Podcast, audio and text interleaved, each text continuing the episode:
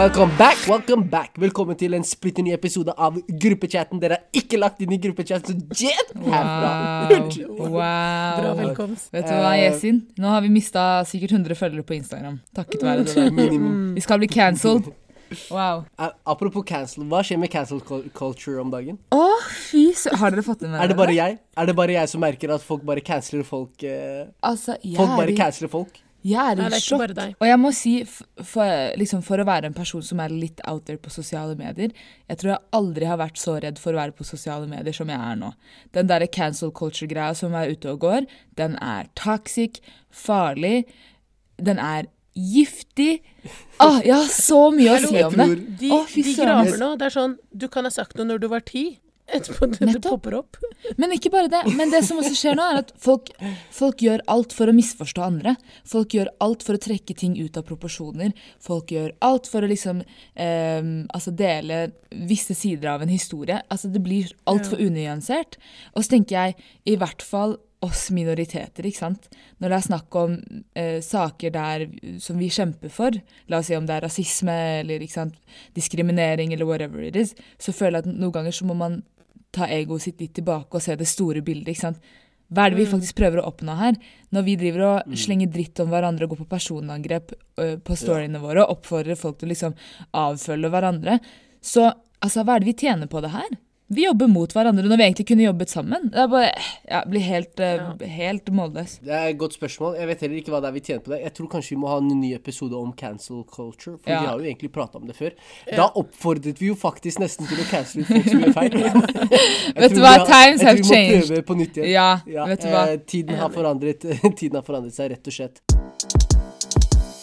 Ok, ok, folkens. Uh, fem raske. Fem raske spørsmål. Uh, vi kjører rekkefølgen. Er det vanskelige spørsmål, Maria? er- du er en ræva Cosilini, egentlig. Nei, det her er ikke Cosilini. Det her er fem raske spørsmål. Her skal vi snakke og bli okay, litt bedre okay. kjent. Vi vil kjøre rekkefølgen Helin, Yesin, Mariam. Første spørsmål klare. Yes. Hva koster outfiten deres, det dere har på nå, fra head to toe? Helin, vi starter med deg. Du må ha med brillene også. La oss kalkulere her. Brillene Skal jeg ta med hele Brillene var dyre, Vent, jo. da, La meg hente kalkulator. Hva koster brillene dine? De kosta 6800. 6800 what? Yesin. Jeg veit det. Ser du gjennom helt- mennesker med de brillene der? Jeg fikk vondt inni hjertet mitt. Wow. Jeg vet ikke hvorfor det ble så dyrt. Jeg tror det er de innglaseringene som var dyre. Men det var altfor dyrt i hvert fall. Jeg angra med livet mitt. Men ja. Hvorfor dro du ikke til Ja, søstera mi? søsteren til Yesin, Sharat, har en eh, Hva er det hun har, Yesin? Hun er optiker. Hvor er det man burde, hvor er det man burde dra? Hun er optiker, hvor da, Yesin? Holmlia optimetri. Beste behandlingen i 100%. byen. Nei, det her er proffbehandling, virkelig. Hvis du sliter med syn og sånn, wow, de fikser den. 100 Helt, Dra til Holmlia optimetri. Og nevner du navnet til Yesin, så får du 5 Bruk. Nei, da. OK. Ikke, nei, du, jeg skal ikke love noen rabatter vi fortsetter. Men i hvert fall dra dit. Bra behandling. Ja. Uh, og eh, hijaben kostet sikkert jeg vet ikke, 80 kroner. Hva med? Cheap Eh, ass shit. Genseren kjøpt og salg, jeg tror eh, den kosta 300. Eh, buksa 100. Det er sånn hjemme... Hva heter det som jog joggebukse fra HM? Ja, hva koster den? 100? 99? Ja. Og så skal jeg ta med, skal jeg ta med klokke og sånn. Eh, ja. Ok, En Apple Watch. Jeg tror jeg kjøpte den for uh, rett under 3000. Wow. Uh, har du på deg sokkersko? Ja, på sokker, det er Nike-sokker. De koster 99 kroner. De løgner deg 99 for fire pakk. Ikke Ja, ja, det er en av pakkene. Ja, det, er sju, det er 25 kroner. Jeg tror Helin vinner her uansett. La meg prøve igjen. Jeg tror det, altså. Vent, ok, jeg skal ikke... Nei, det er brillene bare. Vi trenger ikke å ha med brillene. Jo, jo, brillene er eh, eh, 2700 Da er vi oppe på eh, 10 079 på Helin. OK, Yesin? Wallah, får jeg lov til å Nei, nei, lyve, eller skal jeg være ærlig? Ok, du vet, Det som er problemet litt nå, dere ser bare capsen, brillene og T-skjorten min. Greia problemet er at jeg er eh, Resten er eh, Jeg har ingenting på meg. Si meg. Bare, bare lat som du har på deg noe, i hvert fall. Men ja, fortsett. Briller? Jeg bare tuller. Jeg har faktisk på meg klær. Ja ja, briller. Gratis. Out søsteren din? Ja, jeg fikk kjære søsteren min. Eh, OK. Capsen? eh, capsen 299. Shout out Just Speak. Eh, Shout out Just Speak Clothing. Han her er jo rent eh, sponsa, holdt jeg på å si. men men T-skjorten min er Filippa K. Er ikke det bra merke? Jo, jo, hva betalte du for den? Jeg aner ikke. Det var gave. Ah. Ja, fortsett, Yasin. Jeg har på meg en bukse fra Zalando. Den koster sikkert noe sånn Jeg kjøper ikke Det er ikke jeans. Uh, det er ikke noe Levis. Kanskje en tre, 300 eller sånt noe. 300. OK, sokker. Jeg har ikke på sokker. Ok, så vi har Yasin på 599. wow! OK. Hei, Walla, du overdriver. Jeg, jeg, jeg, jeg, har på meg, jeg har på meg bra bokser, faktisk. Bokseren min koster 200. 200 kroner. Da er vi oppe på på boks. 799. OK. Så da er det min tur. Wow. Jeg, er sikkert på bånn her, ass. Vi har eh, Sjalet mitt er fra eBay. Det betalte jeg kanskje 40 kroner for. uh, og så har jeg på meg en skjorte fra HM. Den betalte jeg kanskje 200 kroner for. Og en joggebukse. Den betalte jeg også 200 kroner for. Og jeg har ikke på meg sokker. Så jeg er på 440. Ja, jeg er andreplass. Keep it simple, corona style. Så jeg går jo ingen steder. Det er jo, det er jo lockdown her i Tyrkia. Um, så da har vi Helin på 10 079 hele kronestykker. Yesin Men det er på grunn av Apple 799, Watchen og Dressmann. Men Yesin har også briller, men de var gratis. Så. og Yesin har også klokke, men den bruker han ikke. Så. Og meg på 440 kroner. Nei, supert. Da går vi videre til neste spørsmål. Hva har Elin, du vet, Vi snakket forrige episode om sponsor og sånn. Du vil ikke eventuelt eh, sponse oss litt, eller? Ja, wow. Nei, det er det jeg må bli sponsa. Jeg, ble- jeg sier til jeg ble blakk. Det er ingen medfølelse her. wow. Helin har en prislapp på 10K. Det er ekstremt. Mm. Hadde jeg visst det, hadde jeg kanskje stjålet deg for lengst. Hæ? Nei da. Okay. Vi går videre. Hva hater dere mest eh, ved å bo i Oslo? Eh, og mm, ikke kunne parkere i byen gratis lenger. Oh, ok, ja. oh, det var sterk spiller, ass, mm -hmm. Helin. Jeg er egentlig veldig enig der, ass. Eh, eh, Oslo sentrum, eller? Ja, sentrum. Oslo sentrum? Nei, nei, Oslo. Ja. Oslo. Å, ja, okay. Men jeg bor jo i sentrum, da. Ja. Så, Da blir det Oslo sentrum for deg, da. så for meg det er de gettoduene, altså. Jeg skal ikke ljuge. De plager meg. Uh, verst i verden. De, de her, de gettoduene her, de hm, Først og fremst, de er ikke redde mennesker. Eh, Ja, det er ikke det, altså. De spiser fra hånda di, skjønner du. Når du Mener du kråker? Nei, er det Nei, kråker? Måker? Nei, nei, Det er duer, duer. duer. De, du- de, de grå duene her. Oh, Jeg snakker ja. om duene, duene her i, i, på måker. Tøyen. Jeg husker ikke måkehistorien min. Wow. Men ja. Jo, jo. Men, men duene på Tøyen de er ikke leik-leik, Altså. Og de går som en stor flokk tidlig på morgenen. De flyr rundt i området der og vekker hele, hele, hele byen. De er ikke leik-leik. Jeg husker ikke jeg fortalte dere Nei, jeg vet ikke om jeg fortalte dere. Jeg gikk på, jeg gikk på barneskole på Grønland. Og der var det alltid duer. Vi pleide å fange dem med hendene våre. Det er ikke rart jeg er ikke blitt redd. gale, tror Det er tredje generasjon som har blitt gale. Det er tredje generasjons duer de tar, tar igjen. um, det jeg hater mest ved å bo i Oslo, er ok, kanskje mest ved å bo på Stovner, er at det ikke går noen buss fra sentrum til Stovner. Jeg savner det veldig. Spesielt, ja, Det hadde vært fantastisk å bare ha en buss fra, fra byen til Stovner. Men vi har ikke det. Det er bare T-bane. Uh, beskriv din perfekte dag. En perfekt dag. Um, en dag der hvor jeg har sovet ut, eh, spiser en god frokost, uh, har noe på planen, altså noe jeg skal gjøre på dagtid, være med familie, venner på kveldstid, spise god mat. Hmm. Easy match, easy match. Eh, stå opp om morgenen, få på meg morgenkåpe, eh, ligge litt i senga, scrolle litt på telefon, kanskje se på en serie eller to, samtidig som jeg spiser en nydelig, nydelig femstjerners frokost. Eh, kle på meg MC-klærne, komme meg ut, nydelig vær, kjøre litt rundt, møte gutta, kjøre litt rundt. Grille. Ikke hvilken som helst mat. Grille mat, om det er pølser eller koteletter eller kyllingfilet. Bare grille. Mm. henge med gutta ellers. Kjøre litt, komme seg hjem, sette på en film, spise litt snacks. Nap-nap. Bye-bye. Adios. Bandidos. Rett i sengs. Så en perfekt dag med Yesin er en dag med gutta, da, basically, og god frokost. Å, fy søren. Um, min perfekte dag er en, en dag fylt med mye mat og aktiviteter. Sånn, hvis det hadde vært en dag der det liksom hadde vært en hel sånn plan med, med ulike aktiviteter, sånn 'Nå skal vi gjøre det her, nå skal vi gjøre det her', og etter det så gjør vi det, bla, bla. Sånn en effektiv og god dag som bare er gøy.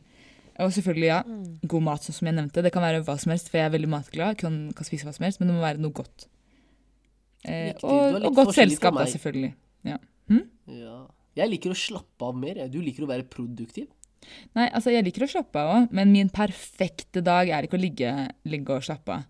Min perfekte dag er å gjøre noe, gjøre noe liksom, produktivt som jeg syns er gøy, som gir meg glede. Ah, Spenning, Vet du hvorfor? Hvorfor? Ah, jeg fikk en sånn uh, lyspære nå sånn ping.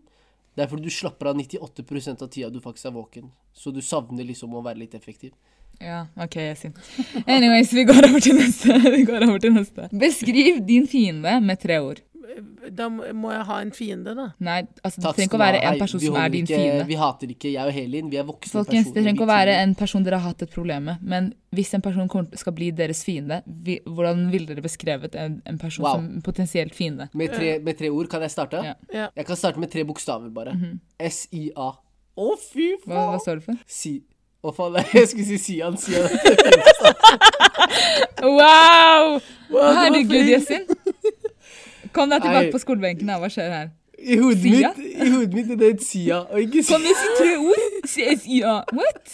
Det var ikke ord engang. Det var ikke tre heller. Um, Hei, vet du hva? Yasin, vi går over til deg. Yasin trenger litt søvn, tror jeg. tre ting som beskriver en fiende, vil være um, en som eh, gi- altså er, er urettferdig mot alle, altså driver med urett. Mhm, En som er voldelig. En som um, er frekk. mhm. Det Jeg kommer ikke på noe. Så jeg er din fiende, eller? Nei, da. ja, ikke sant? Um, Du er en tredjedel check. Ja, Checkboxen er check. Going strong. Um, min fiende er en som er falsk, altså smiler foran meg og snakker dritt bak min rygg. Nummer én. En som er ulojal, og en som ikke ønsker meg godt. En som på en måte har inni, eh, hva heter det, ille, ille og onde intensjoner, eh, men som ikke formidler det. da. Riktig. Kan jeg si min fiende òg, Ja. med tre ord, eller har jeg allerede sagt min med tre Nei, bokstaver? nei, gå. Du skal få et forsøk til. Alle får prøve på nytt, vet du. Takk skal du ha. Eh, min fiende er eh, uh, urettferdig. Mhm. Eh, gjør urett mot de som ikke fortjener å bli ur, gjort urett mot. Og en som fortsetter konstant å gjøre urett. Som Skjønner du? Bare fortsetter sånn. Så det samme bare på tre ulike måter, da. Ja. Eller Det skal ikke mye til for å bli fienden. han sa det samme, bare tre forskjellige måter. Sykeste. I ekte Yesin-stil. Ikke gjør urett, basically. Siste er tre ting som bringer glede i din hverdag. Tre ting. uh, ting, eller kan det være mennesker, eller hva? Ja, ne, ja, det kan være hva som Ja. helst. Det kan være noe, en opplevelse, mennesker, et, et minne. Uh, det må være familie, en god natts søvn Uh, og egentid. riktig. Fa familie, mestring og eh, god mat. Eh, musikk, faktisk. Eh, familie og progresjon. Ferdig, da. Da var vi ferdig med Fem raske. Takk for at dere lyttet til dagens episode, og vi ser Nei da. Og husk, husk SIA. Det er en ting. Ja. Er ikke Sia en artist eller noe sånt nå? Jo, jeg tror det. What she did to you. Det er hun. Who Ja, det er hun, det er hun jeg mente. Det hun. Det er hun, det er hun jeg tenkte på. Drittlei av at hun ikke viser ansiktet sitt. Takk skal du ha. Da, et av, eh, et av tingene som jeg har ønsket at vi skal snakke litt mer om, det er mindre morsomt enn det vi, aller, enn det vi allerede har eh, gjort i dag. Eh, men minst like viktig som alt annet vi allerede har diskutert i tidligere episoder, og det er egentlig et tema som eh, jeg har syntes selv har vært litt vanskelig å prate om, eh, og det er psykisk helse. Eh, og psykisk helse er jo egentlig et ganske stort tema man kan diskutere, men jeg tenkte at vi kunne kanskje snevre det litt inn, og snakke spesielt da om psykisk helse knyttet til det Knyttet til pandemien, da, og hva det har medført. Ja. Hva tenker dere? Jo, jeg tenker at det høres bra ut, jeg. Ja, fordi eh, det det egentlig baserer seg på, er at eh, jeg leste en artikkel om et eh, utvalg av eksperter, altså psykologer, som hadde anbefalt noen tiltak for psykisk helse i Norge, og Erna Solberg hadde da en pressekonferanse hvor hun snakket om det her, eh, og disse tiltakene, og jeg syns det er litt interessant, eh, fordi det de egentlig konkluderer med, og jeg vet ikke om dere har lyst til å dele noe selv, eller hva dere tenker, men jeg er i hvert fall komfortabel med å dele liksom hva jeg har opplevd selv, og det er litt sånn forskjellig. Eh, Men det de egentlig konkluderte med, da, dette ekspertutvalget, var at eh, det har vært et eh, stort, stort press på, på psykologer i Norge. Eh, og det er spesielt da for de som ikke har hatt det bra før pandemien, som har fått liksom denne pandemien liksom i tillegg, da. Som har begrenset liksom um, eh, hele liv, livet deres egentlig i tillegg. Eh, men så viser det også til at de som egentlig har hatt det bra ellers, eh, kommer godt ut av det her. Eh, og da lurer jeg egentlig på, hva, hva tenker dere, er dette noe dere egentlig har forventet å se? Ja, jeg har definitivt tenkt det. Jeg har jo tenkt at um, det er noe Altså, dette med psykisk helse og hvordan man har det med seg selv og sånn. uh, har jeg tenkt kommer til å gå utover den vanlige person nå, typ, den som ikke kanskje hadde det så dårlig. Fordi man blir um, Man blir veldig isolert, og man er mye med de samme personene over lengre tid, og liksom det kommer ikke ny input, da. Så jeg har tenkt at eh, det faktisk eh, ikke er helt sånn at Jeg tror mange kommer dårlig ut av det her, da. Jeg er enig. For hvem er det dere egentlig tror sliter mest? Jeg tror Jeg vet ikke om det er Er det noe som skiller seg ut, egentlig? Er det det? Altså, Unge. Studenter sliter jo ekstremt, men jeg tror også folk som har Ja. blitt permittert, kan slite en del. Folk som bor alene, eldre. eh, folk som har dårlig råd, ikke sant. Uh, mange subgrupper, til og med. Folk som har god råd, kan fremdeles ha hatt det dårlig denne pandemien. Um, Mm. Så jeg tror på en måte ikke det er en sånn enkel gruppe som Ja, men studenter har hatt det veldig ille.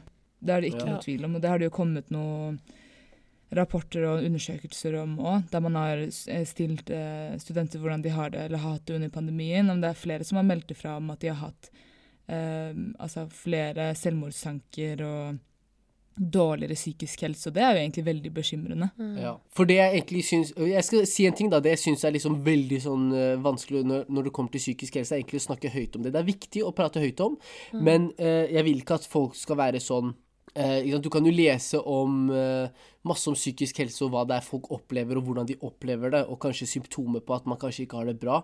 Problemet er at folk raskt kan kjenne seg igjen, og begynner da med det å gi hverandre diagnoser, ikke sant. Eh, plutselig så er du deprimert når du egentlig bare har, det, har en litt tøff uke. Og, og det er litt sånn Det må også sies, da, derfor jeg syns det også er litt vanskelig å snakke om psykisk helse. eh, selv om det er veldig viktig å prate om. Eh, men sånn i forhold til eh, pan pandemien, da, så, så er det jo litt med det med at livskvaliteten egentlig har blitt begrenset. Eh, alle disse restriksjonene, alle disse begrensningene, det har ført til at vi som mennesker, som egentlig Vi er jo, vi er jo avhengig av å ha en viss sosial eh, kontakt. Eh, og den har rett og slett blitt fratatt.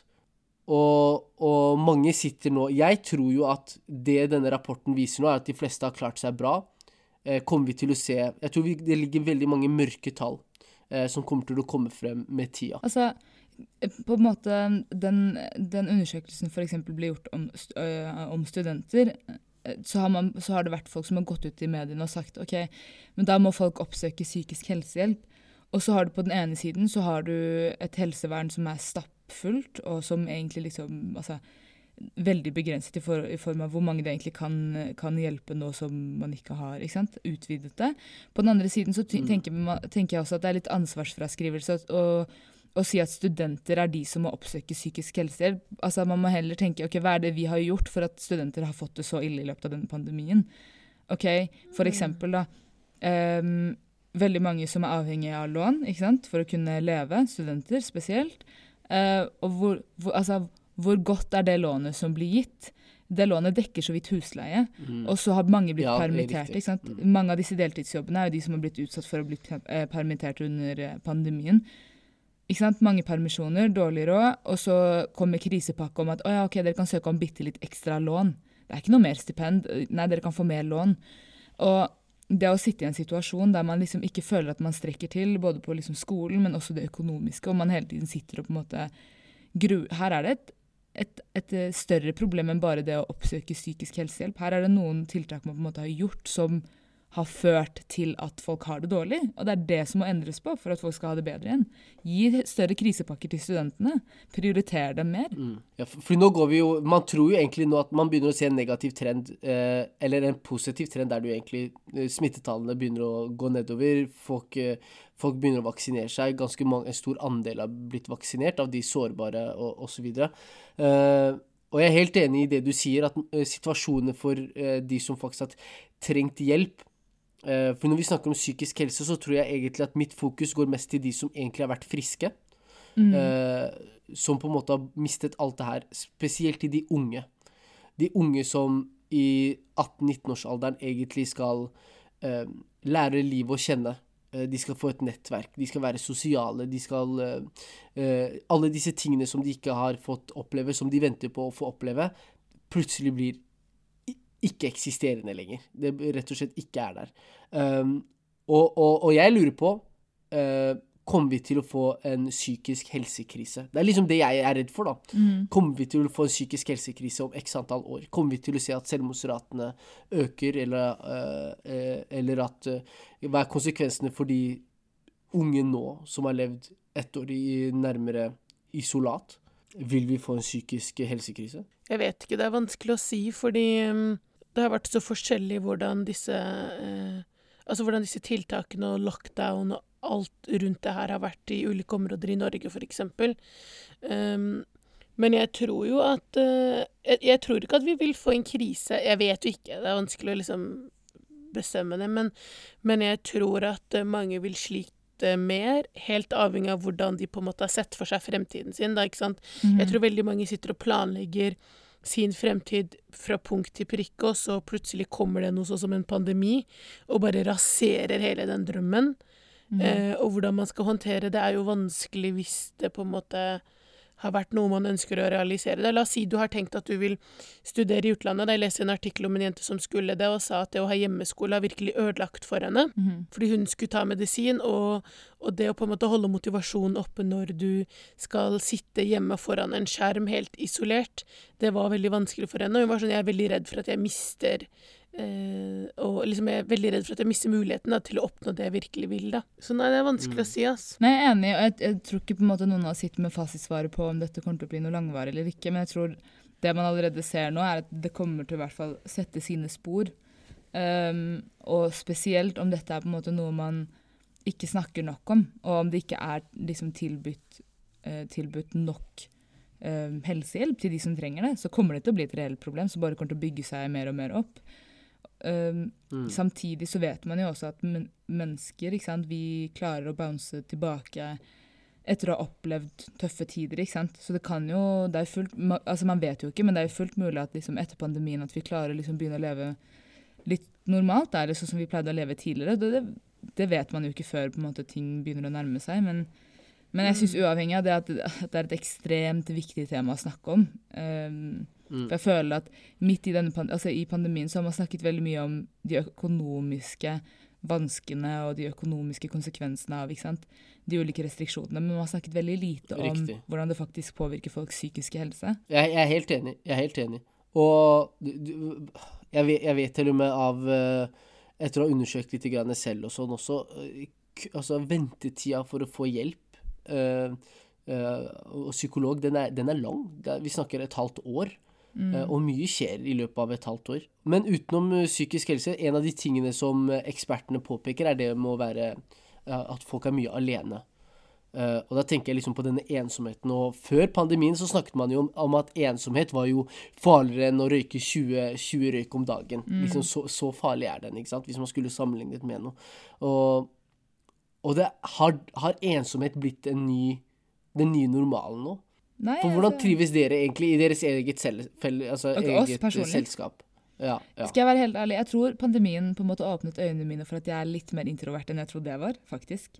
Eh, For jeg trives alene, holdt jeg på å si, men jeg er også veldig glad i menneskelig kontakt, så jeg, sånn, jeg føler jeg sitter litt midt imellom. Så så lenge jeg på en måte får noe påfyll, så går det greit. Um, men jeg tenker at hvis man er litt mer på den ekstroverte siden, så vil man slite ekstremt. Hvis man har veldig stort behov for sosial, sosial kontakt, menneskelig kontakt, ikke sant. For å være aktiv, sånne Mm. ting, så vil man nok kjenne veldig på kroppen. Jeg tror nok de introverte er nok de som har hatt det best i pandemien, eller liksom klart å komme seg ja best igjennom. interessant. Interessant, for, for det du sier der, eksperter, denne, denne gruppa som undersøkte der, Mm. de kom også frem til at det var også en gruppe mennesker som eh, kom bedre ut av pandemien enn før pandemien. Blant annet de som ikke trivdes på skolen. eh, som nå fikk mulighet til å hjemmeskole, de Ja. hadde opplevd en bedre livskvalitet. Mhm. De hadde plutselig litt bedre nå, fordi de slapp liksom å være på skolen. Eh, men jeg, sy jeg syns det er interessant, fordi det du sier nå Jeg er motsatt av deg. Jeg er ek ekstrovert. Mhm. Jeg er avhengig av å være ute med, med mennesker og ha fysisk kontakt, liksom. Være i, i fellesskap med mennesker. Det hjelper ikke for meg å bare ha det digitalt. Um, og det gjenspeiles jo i hvor flink jeg har vært med å holde disse restriksjonene. Jeg skal ikke legge noe skjul på det. Jeg har ikke vært eh, et eksempel. Jeg har ikke vært et godt eksempel. Ja. Nei, du har helt rett i det. Dere skal ikke si noe imot på det, for å si det, for å si det sånn. Nei, jeg bare tenker at dette med å kjenne på ensomhet Jeg tror man må være litt moden også til å skjønne hva ensomhet vil si, da. Og, om Altså, det å gjenkjenne den følelsen av ensomhet tror jeg også er litt vanskelig Mm. å kjenne igjen, da. Eller i hvert fall beskrive for andre. Så det kan hende at mange har sittet og kjent på noe som de ikke helt klarer å beskrive. Jeg vet ikke. Men jeg tror at for min del Jeg er, jeg er litt sånn en kombo, litt sånn som deg, Mariam. Jeg er veldig Mm. avhengig av å få tid til meg selv og være litt alene, men, men jeg liker også å være med andre. Eh, men, men det holder med en liten dose, liksom. Ja. Så, så det har Ja. gått helt greit. Um, men jeg har jo lagt merke til at det er familien jeg har sett mest under pandemien. Venner har på en måte Mm. Alle ønsker jo å på en måte uh, passe på sine nære, og man har vært veldig forsiktig med å treffe hverandre, føler jeg, da. Mm. Men det er, jeg er helt enig med deg, Helin. Og det er derfor jeg tenker litt sånn Jeg tror jeg har vært veldig heldig som har hatt familien rundt meg, og liksom et par venner, f.eks. For eksempel. Fordi jeg tror for noen som kanskje sitter i en situasjon der de bor alene, eller ikke har noen familie rundt seg, eller f.eks. har vært avhengig av arbeidsplassen for å få noe sosialt i hverdagen. Ikke sant? Mange har jo en, en, en slik eh, hverdag eller livsstil. Og det å plutselig bli satt på hjemmekontor, f.eks., der alt det sosiale på arbeidsplassen plutselig bare forsvinner, eller alt det sosiale på eh, universitetet, liksom skolen, ikke sant. Den, hvis det var en veldig viktig Jeg tror det er en veldig viktig del for mange, da. Og det å miste disse liksom tingene som vi kanskje tidligere har tatt litt for gitt, jeg tror det har påvirket mange i veldig stor grad. Um, Mm. For eh, det er ikke noe å legge skjul på at disse sosiale Dette dette er sosiale arenaer som er viktige for oss Definitivt. som, som mennesker. Ja, og ikke bare det, men det jeg har følt har vært veldig vanskelig under denne pandemien, er den uforutsigbarheten og det Mm. eh, som jeg tror veldig mange, som kanskje til og med også eh, har utfordringer med sin psykiske helse, det å komme seg ut, bare og føle at det, altså, man kan gjøre ting, du er ikke begrensa, det tror jeg hjelper. Og eh, altså, i Oslo, vi har jo hatt ordentlige lockdown, vi har jo ikke hatt kjøpesentre, butikker på kjempelenge nå. Og bare det i seg selv, jeg som føler at jeg egentlig har det ganske bra, uh, ofte. Um, jeg syns det har vært skikkelig vanskelig. Du har lyst til å gjøre noe, så bare ah, butikken er jo stengt. Eh, jeg må tenke på klikk og hente, eller hva enn. Det er bare sånne småting. Mhm. Eh, bidrar jo til at man, man blir mer og mer isolert og Jeg vet ikke. Det, det som er litt skummelt, er hvis vi nå, hvis pandemien på en måte begynner å løsne litt og sånn, og hvis man fortsatt er i den der lille boblen sin og ikke klarer å tilpasse seg den nye hverdagen. Det er det jeg syns er litt skummelt òg. Jeg er enig. Og en annen ting jeg tenkte på, kanskje bitte litt off track, men også dette med forutsigbarhet. ikke sant? Eh, Du nevnte jo at dette har vært en veldig uforutsigbar tid. Og jeg tror at for oss som bor i Norge, vi er veldig vant til stabilitet. Det er veldig mange ting vi har tatt for gitt. ikke sant? Økonomi, eh, arbeidsplassen vår, studier, ikke sant? alle disse komponentene i livet. Dette er ting vi tar veldig for gitt fordi vi, vi regner med at de alltid kommer til å være der. ikke sant? Så når vi møter på en, en situasjon som vi aldri i det hele tatt kunne sett for oss at skulle skje, så vil det jo være mye vanskeligere å håndtere den fordi vi har ikke de mekanismene til å kunne håndtere dem heller, ikke sant. Eh, og jeg tror det også, denne uforutsigbarheten, det at vi ikke er vant til at ting er så uforutsigbare, gjør det enda vanskeligere for oss enn det f.eks. er i andre land der de er vant til mye uforutsigbarhet. da. Mm. For, kan jeg bare spørre, mens fordi forutsigbarhet, Helin, du har jo nevnt det jeg vet ikke, x antall ganger som en av det, Jeg er drittlei uforutsigbarheten osv. Ja. Eh, men som på deres egen psykiske helse, hva syns dere har vært mest utfordrende med pandemien? For meg så tror jeg det har vært at eh, Det handler jo om yrket mitt òg, da.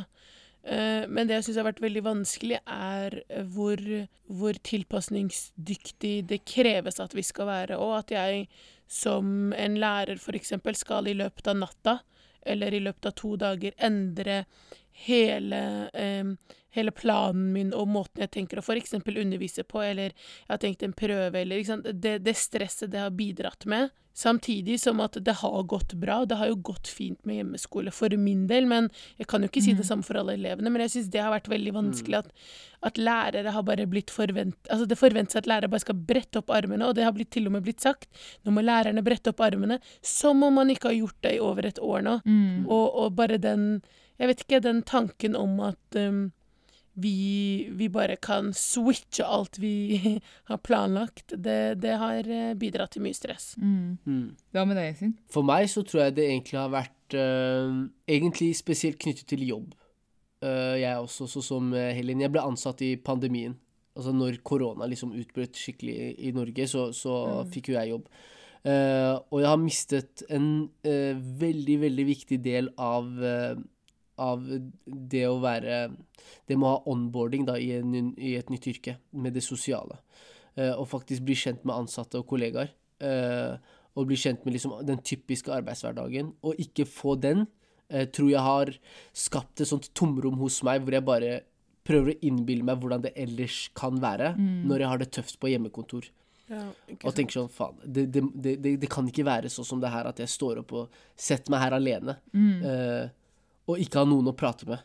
Ingen å liksom ta pause med, ingen å småsnakke med, ingen å spørre om hjelp. Men skal jeg spørre om hjelp, så må jeg booke et Teams-møte, skjønner du. Uh, jeg kan ikke bare jeg kan ikke bare se til sida og spørre om hjelp. Og det, det, det, syns jeg er tyngst for min psykiske helse, fordi arbeidshverdagen min er lang. Ja, ja. Den er, den er, det er store deler av dagen min, og når den ikke er eh, Når den ikke er god, så er det vanskelig å ha det bra ellers. Men ja, og du, og du nevner noen veldig viktige poeng her, og det er liksom det her med Altså, arbeidsplassen fungerer ikke bare som et sted der vi jobber, men også de kollegaene vi har rundt oss, kan vi på en måte Ja. bruke til å debrife, ikke sant? Kanskje du vil dele noen tanker som handler om jobben, ikke sant? Hvordan skal du bli kjent med disse kollegaene hvis du har en ny arbeidsplass og du har hjemmekontor, og Ja. alt skjer via Zoom, ikke sant?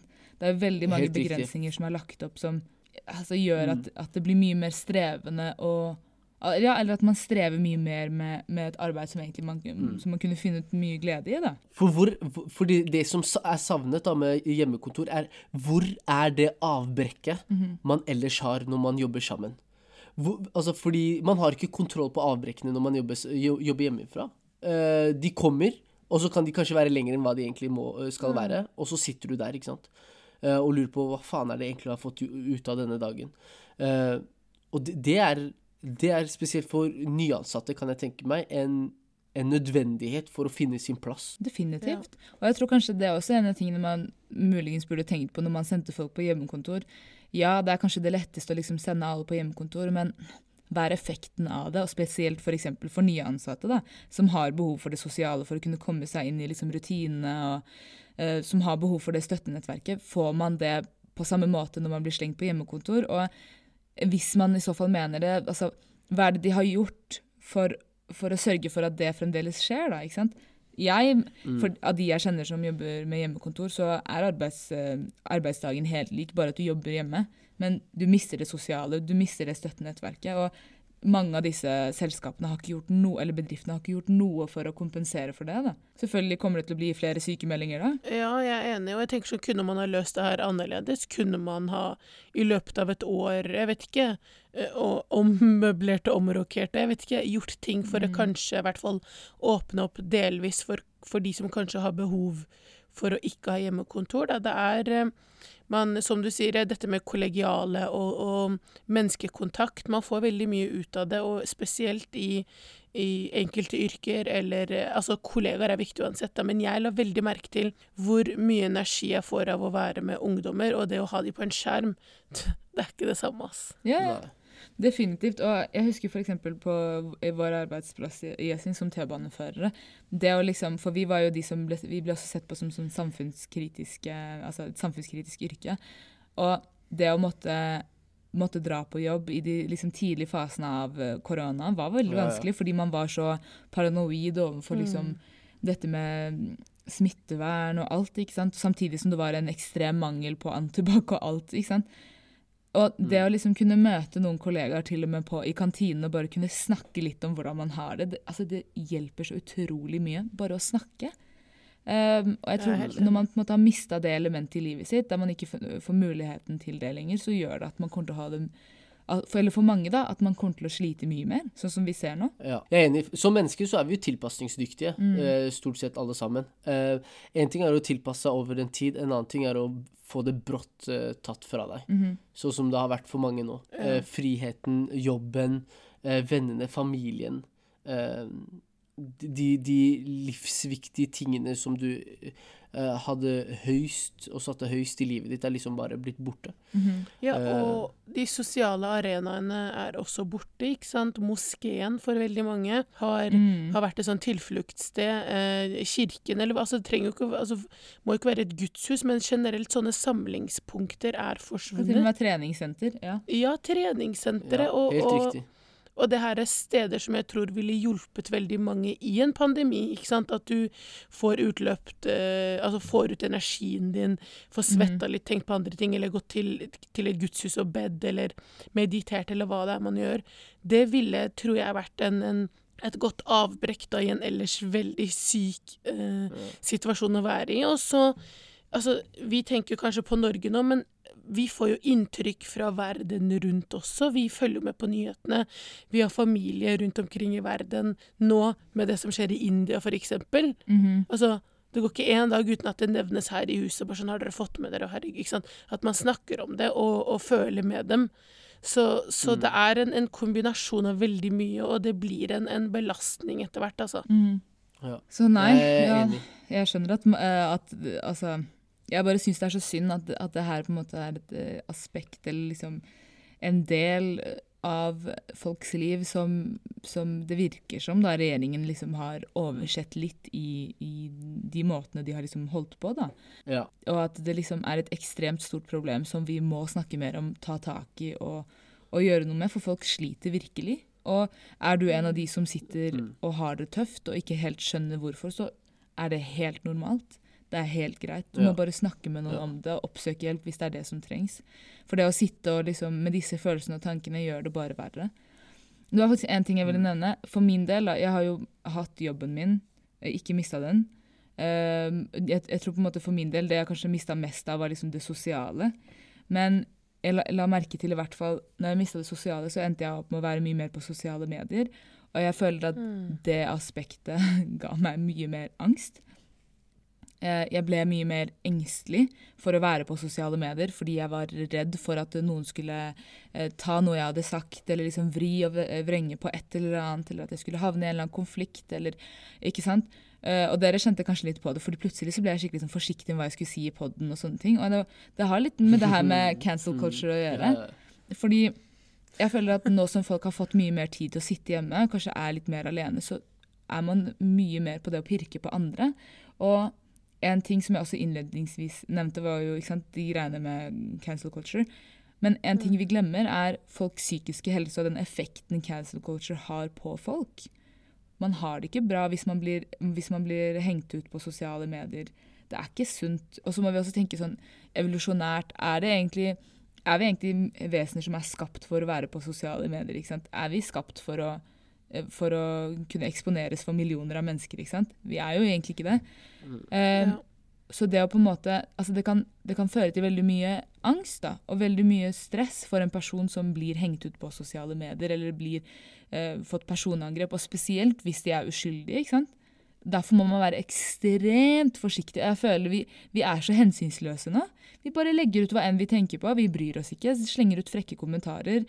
Altså, det, er, jeg, jeg synes, jeg har, det har blitt preget meg en del, og jeg syns det er veldig skummelt. Veldig, veldig skummelt. Og det kan hende at det er av pandemien, og, og at folk har så mye tid på hendene at de eh, Jeg vet ikke, jeg tenker at det er en lur måte å få, få ut the negativity, men, men jeg tror jo også at pandemien har gjort at eh, Altså, det har vært noen positive sider òg, da, tror jeg. At man har fått litt mer tid til å bare puste.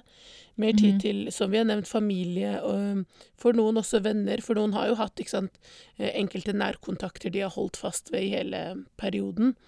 så, så jeg tror også mange kanskje har blitt mer kreative. Tenkt litt mer ut og, utenfor boksen. Um, så det har vel hatt noen positive eh, effekter, tror jeg, for mange. Mange har kanskje funnet nye hobbyer, for eksempel, eh, å bruke tida si på. Så, så selv om det har vært mye negativt, så tror jeg også det er noe positivt som har kommet ut av det. Men, eh, men vi får jo se etter effekten av alt det her om noen år, tror jeg, da. Mm. Ja, det er det jeg også tror. Jeg tror man vil se effekten. Ikke bare sånn psykisk, men også med tanke på utdannings... De gapene man kommer til å få fordi folk kanskje har fått eh, Altså ikke fått gjennomført utdanningen sin, eller ikke har fått kommet gjennom det de egentlig skulle komme gjennom, da. Eh, jeg tror jo at man vil se konsekvensene i lang, lang tid fremover, eh, men at det ikke vises helt, helt med en gang, da. Ja, jeg er helt enig. Og jeg tenker for oss som enkeltindivider, så, så vil det være å på en måte ta vare på helsen vår, ikke overse den. Eh, både den fysiske og den psykiske helsen. Gå en tur, det, det, det funker bra for psykisk helse. Å være i fysisk aktivitet. Nå begynner jo været å bli bedre. Ja, det er godt. Kan, kan ikke vi kom- gi noen tips, da? Hvordan, skal, hvordan, hvordan ivareta sin psykiske helse, Mariam? Du var godt i gang nå. Okay. Gå en tur. Ok, ja. Vi, vi går på runde. Ok. Eh, jeg vil si prøv å få i hvert fall 30 minutter med fysisk aktivitet hver dag. Om du går alene, om du ikke har en turpartner, så kan du alltid facetime med noen. Eller høre på en pod. Du kan høre på gruppechatter. Eh, ha, noe, yes, ha noe bra i øra og gå en tur. Få, få litt frisk luft. Det hjelper, på, det hjelper på den psykiske helsen. Jeg er helt enig. Ehm, jeg vil også si eh, å lese bøker. Jeg har lest, eh, ikke kjempemange, men et par bøker fordi jeg har det som en del av studiet. Men jeg merker hvor deilig det er med avbrekk fra, som du sier, Mariam, sosiale medier. Du, du blir nødt til å legge fra deg telefon og PC og TV og sånn, og bare gå i en litt sånn egen verden. Så les en bok er et tips fra meg. Det er egentlig et veldig godt tips, og det bygger på noe av det jeg også vil si, og som er å lære noe nytt. Prøv å lære noe nytt hver dag. Det kan være den minste ting. Jeg vil ikke lære et nytt språk hver dag, men eh, kanskje lære deg et ord. Eller eh, eh, lære deg eh, å brette et ark sånn at det ligner på en frosk. Liksom bare lære noe nytt. Mm. Den mestringsfølelsen tror jeg hjelper litt på. Definitivt. Kan jeg slenge på enda en? Enda en ting? Um, jeg ville si prøv å holde noen rutiner i livet ditt. Og jeg tenker spesielt til dere som eh, har hjemmekontor eller studerer hjemme og kanskje bor i en hybel eller bor alene. og Alt foregår i liksom, disse fire hjørnene. Prøv å strukturere rommet litt. Her spiser jeg frokost, her jobber jeg med skole, her sitter jeg og slapper av. Um, prøv å ha en rutine der du liksom kanskje står opp til samme tid og legger deg til samme tid. Og gjør litt de litt ekstra tingene som gir deg litt glede i hverdagen. Om det er en god frokost, eh, en femstjerners frokost som det er for Jessin. Eller om det er å gjøre litt sånn spennende aktivitet en dag. ikke sant? Prøv å gjøre noen sånne Ja. småting i hverdagen som, som eh, får frem den meningen du har litt med livet, da. Tenker jeg kan Ja, være det fint. var et godt tips. Det var veldig, veldig godt tips, eh, Mariam.